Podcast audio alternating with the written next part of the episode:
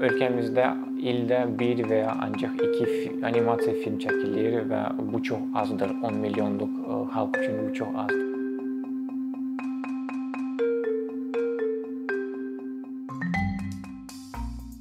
Ümumiyyətlə ilk animasiya filmləri 19-cu əsrin sonunda yaradılmışdır.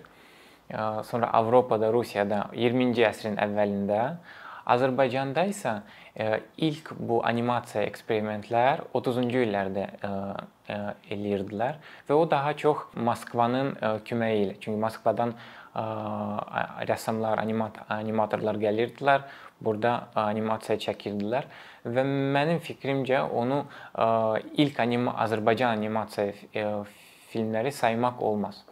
Birinci ona görə ki, o bədii animasiya deyildi. O ona texniki animasiya deyilir. Hansısa bir məsəl üçün Loqbatan və ya Neft simfoniyası adlı sənədli filmlər üçün animasiya əlavələri eləyirdi. Məsəl üçün neft borusu necə işləyir, təyyarə necə uçur. Yəni belə şeylər var idi. O bədii animasiya deyil.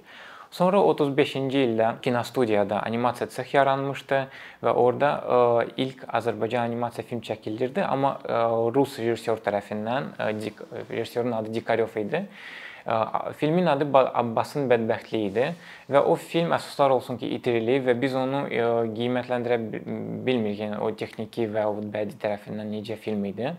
Əfsuslar olsun ki, sonra o 40-cı illərində yeni bir film çəkmək istəyirdilər, amma bu 2-ci dünya müharibəsinə görə çəkilişlər dayandırılıb və faktiki bu 30-cu illərdən sonra 60-cı illərə qədər boşluq var idi. Heç bir cizgi film animasiya çəkilmirdi. Və nəhayət kinostudiyada 65-ci ildə Adil İskəndərov o vaxt direktor idi. O təklif elədi ki, gəlin bu multiplikasiyayı bərpa eləyək. O vaxtı bir neçə bizim yerli rəssamlar gediblər Rusiyada, Kiyevdə və Sankt-Peterburqda oxuyublar və qayıdıblar və artıq ali təhsilli bir adamlar var idi. Onların arasında Ağa Nağı Axundov idi və o, o həmin multiplikasiya sexinin direktoru olub. Sonra qərar verdi ki, bəs gəlin o, o animasiya kursları təşkil edək və 65-ci 66-cı ildən 68-ci ilə qədər bu kurslar davam edirdilər və faktiki bu Azərbaycan animasiyasının əsasları qoyublar. Və sonra bu kursdan sonra 69-cu ildə kinostudiyanın ilk filmi olan Cırtan çəkilib. Paralel olaraq Azərbaycan televiziyasında animasiya belə bir ki, bölməsi var idi və orada da paralel olaraq 65-ci ildən artıq animasiya filmləri çəkməyə başladılar. Rasim İsmailov, Vaqif Beybutov bu adamlar başlayıblar və Vaqif Beybutov elə orada qalmışdı və çoxluq məşhur kukla animasiya filmləri çəkmişdir. O sizin dediyiniz başlanğıc filmi, Qara Leylək, Sehrli Nağıl və sair kukla filmlər çəkilmişdi. Yəni Azərbaycanda həmişə bu iki studiya var idi. Televiziyada olan animasiya studiyası və kinostudiyada olan studiyası. İndi bu kinostudiyada çəkilən ilk cırtandan danışmaq istəyirəm. Çünki o həm ilk idi və o həm də texniki cəhətdən çox maraqlıdır. Çünki o dövrdə bu modernistik üslublar çox dəbdə idi. Və onlar məsəl üçün çox minimalistik Azərbaycan xalçalardan bəzi naxışları götürüblər və o naxışlardan personajları yaradıblar, onları hərəkət edirdilər. Yəni hər şey o xalça üslubundadır. Elə indi bu filmə baxsaq çox maraqlı və fərqli bir şeydir. Yəni heç görünmür ki, bu film köhnədir və indi də o maraqlıdır. Çünki orada həm bu modern necə deyim, yanaşma var, həm milli musiqi, tar, kemança, muğam, muğam da var orada. O çox o çox maraqlıdır. Deməli bizdə çox dəyərli kinoşünasımız var, Aydın Dadaşov, hansı ki 2 il bundan qabaq, hardasa 3 il bundan qabaq rəhmətə getmişdi. O onun kitablarında yazılır ki, bu kommunist Sovet ideologiyası folklor dramaturgiyasına çox yaxın idi. Folklor nümunələrində, nağıllarda adətən balaca adamlar, cırtan kimi xalqdan çıxmış bir qəhrəmanlar hansısa bir totalitar rejimlə vuruşurlar hansı bir e, pis adamlara qarşı vuruşurlar və e, bu bir növ e, Sovet ideologiyasına uyğun idi və ona görə onlar həmişə dəstəkləyirdilər folklor filmləri və folklor animasiya filmləri dəstəkləyirlər və ona görə bizdə çox nümunələr var. Yəni cırtandan tutmuş bizim bu milli animasiya filmlərimiz daha çox folklora yaxın olsa da, yəni ədəbiyyat müəlliflər ədəbiyyata da müraciət edirdilər. Məhəmməd Füzuli, sonra Nizami, Seyid Əzim Şirvani və başqa bizim yazıçılara müraciət edirdilər. Amma çox maraqlıdır ki, milli rejissorlar həm də xarici ədəbiyyata müraciət edirlər. Məsəl üçün orada çox maraqlı bir film var, Xrizantem yarpağı, hansı ki, Yapon haiku şeir əsasında çəkilmişdir yaxud Fransanın Exuperi romanın əsasında çəkilən Mənim balaca şahzadəm filmi var. Yaxud Polşanın Stanislav Lemin elmi fantastik filmlər var, Sakityon macəraları və s. və s. Yəni bu çox maraqlıdır ki, belə belə bir tenden müəyyən bir tendensiya var idi. Həm Sovet dövründə, həm indi, yəni xarici ədəbiyyata müraciət etmək üçün. İndi çox maraqlı mövzuya toxunmaq istəyirəm. Deməli, milli animasiya filmlərimiz ancaq ədəbiyyat və folklor mövzusunda çəkilmirdi. Sovet dövründə və daha daha çox 90-cı illərində bəzi filmlər siyasi, dini və Qarabağ mövzusunda idi və o haqqda mən danışmaq istərdim. Deməli, ilk öncə siyasi filmlər haqqında danışmaq istəyirdim. Bu mövzu haqqında ilk film ola bilsin ki, Horus adlı film idi. 73-cü ildə çəkilib və o film nədən bəhs edir? Deməli, bir dənə xoruzdur. O tütək çalır və və hamı da elə bir ki, bezir də. O, o qədər tütək çalır, o qədər o, hamı bezir. O o, hansı bir şah onu eşidir, deyir ki, bəs bu bu xoruzu gərək türməyə salın, ondan tütük alın ki, çalmasın.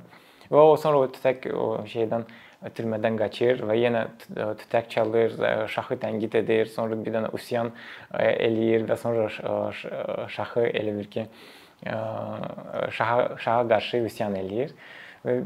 Çox açıq bir açıq bir siyasi mövzu idi. Hansı ki, nəinki İran, yəni o, o dövrdəki olan İran rejimi tənqid eləyirdi. Ümumiyyətlə hər hər hansı bir avtoritar rejim tənqid eləyirdi. O çox maraqlıdır ki, ki o Sovet dövründə o bütün çəkilən filmlər 3 qrupa bölürdülər. Birinci, birinci qrup, ikinci, üçüncü və ə, üçüncü qrup alan film ancaq ə, həmin respublikasında göstərə bilərdi. O üçüncü qrup ən pis sayılırdı, çünki o film heç yerə çıxa bilmirdi. Nə nəinki xaricə, hətta o başqa Sovet respublikalara. Və bu film bu kateqoriya almışdır. Sonra ümumiyyətlə onun premyerası olmayıb, sonra bu film itirilib və heç kim bilmir o film qalıb, qalmayıb. Müəllif özü bu filmin müəllifi Məsud Panahi hansı ki Tık-Tık xanımı çəkib. Ümumiyyətlə sonra ə, deyir ki, bəs bilmirəm film hardadır, itirilib. O məncə çox heyfdir, çünki ə, bu film özü bir tarixdir. O dövrdəki ə, siyasi durumu bir növ əks etdirən bir filmdir. Sonra ə, dini mövzusunda ə, bizdə filmlər daha çox ə, 90-cı illərində çəkilirdi. Amma artıq 70-ci illərdə məşhur Tülkü Həcə gedir filmi var, hansı ki açıq-aşkar dini ə, tənqid edirdi. Amma 90-cı illərində xüsusilə bir nəfər müəllif rejissor var idi, Elçin Xamiyaxundov, hansı ki ə, bu dini mövzulara meyli idi və hətta filmlərin əvvəllərində Bismillah sözü ilə başlayırdı. Yəni titrlərdə Bismillah başlayır, sonra film başlayır.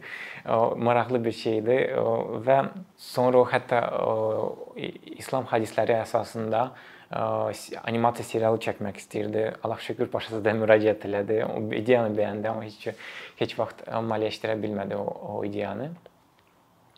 Amma o oje müasir animasiyasında demək olar ki, dini mövzulardan o elə bir ki, demək olar ki, əl çəkdilər. Artıq o heç kim müraciət etmir dini mövzulara. Çox maraqlıdır ki, xaricdə də Qarabağ haqqında filmlər çəkirdilər Azərbaycanlılar və Məsud Panahi hansı ki, Tık-Tık xanım çəkib, Horus filmini çəkib, sonra Almaniyada Sükutun pozulması filmi çəkir və o film Xocalı faciəsi haqqında idi.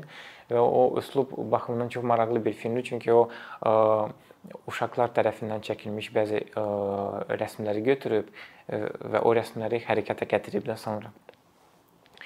Bu bu həmin filminin maraqlı elə bir ki, bədii həllidir, amma düşünürəm ki, indi müasir animasiyada çəkilən, Qarabağ haqqında çəkilən filmlər, olsun Cavanşir filmi, Qızıl filmi və ya Musiqinin pozulması filmi biraz bədii cəhətdən zəifdirlər.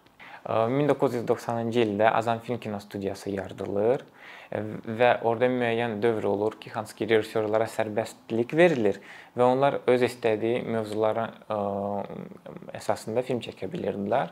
Və bir rejissor var Şamil Nəcəfzadə, o hansı ki o, o bir müddət Rusiyada yaşamışdır, darıxırdı. O istəyirdi ki, yəni o, o vətən həsrəti haqqında bir film çəksin və 40-cı illərində müraciət olundu.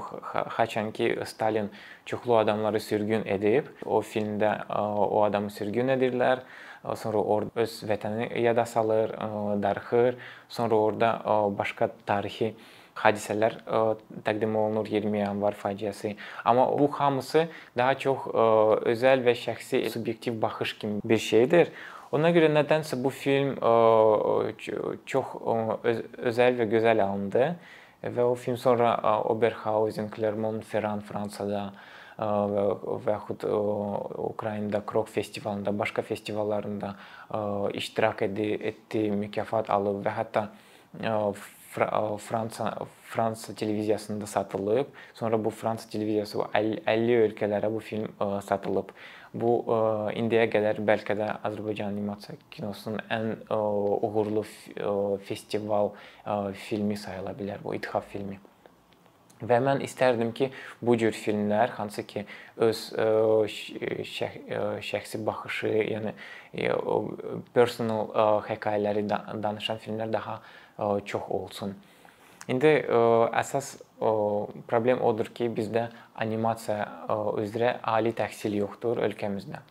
Baxmayaraq ki, qonşu ölkələrində, Avropada bu ali təhsil çoxdan var, bizdə hələ ki yoxdur və o o, o təbii ki, o kadr çatışmazlığa gəlib çıxardır bizdə yaxşı mütəxəssislər yoxdur nəticədə. Sonra animasiya kinosunun maliyyələşdirilməsi e, üçün, yəni strukturlar yoxdur. Yəni bir sistem yoxdur. Məsələn, e, hər hansı bir şirkət və yaxud e, özəl studiya animasiya filmi çəkmək istəyirsə, yəni müraciət edəcək bir elə bir ki, yer yoxdur. Çünki Mədəniyyət Nazirliyi indiyə kimi bu ancaq dövlət studiyalara dəstək verir. Demək olar ki, yəni o özəl sektor elə bir ki, inkişaf eləmir. Və ona görə də ölkəmizdə ildə 1 və ya ancaq 2 animasiya film çəkilir və bu çox azdır. 10 milyonluq xalq üçün bu çox azdır. Bu əsas problemlərdir və onu həll etmək üçün təhsilə daha böyük diqqət göstər göstərmək lazımdır. İlk növbədə ali təhsil, bakalavr, magistratura, yəni animasiya kafedraları açılmalıdır ölkəmizdə beynəlxalq animasiya və kino festivallarının az olması o da böyük problemdir. İndiyə kimi bizdə animasiya festivalı olmayıb və biz də onu 2018-ci ildə yaratmışıq və o bir növ platform platformadır, harda ki xarici və yerli peşəkarlar görüşürlər, fikir mübadiləsi olur. Yəni istər-istəməz o kino və animasiyasının inkişafı üçün təkan verəcək. Əkinçinin yeni videoları haqqında məlumatlı olmaq üçün kanalımıza abunə olmağı və xəbərdarlıq funksiyasını aktivləşdirməyi unutmayın. Bununla bərabər gördüyümüz işlərin davamlı olmasını istəyirsinizsə, bizim patronların sırasına qoşulmağınızı rica edirik. Əkinçinin Patreon icmasının üzvü olaraq siz bizim təşəbbüsə dəstək göstərməklə bərabər hazırladığımız materialları hər kəsdən öncə izləmə imkanı əldə edəcəksiniz. İmkandan istifadə edərək cari patronlarımıza işlərimizi davam etməyə yardım olduqları üçün dərin təşəkkürümüzü bildiririk.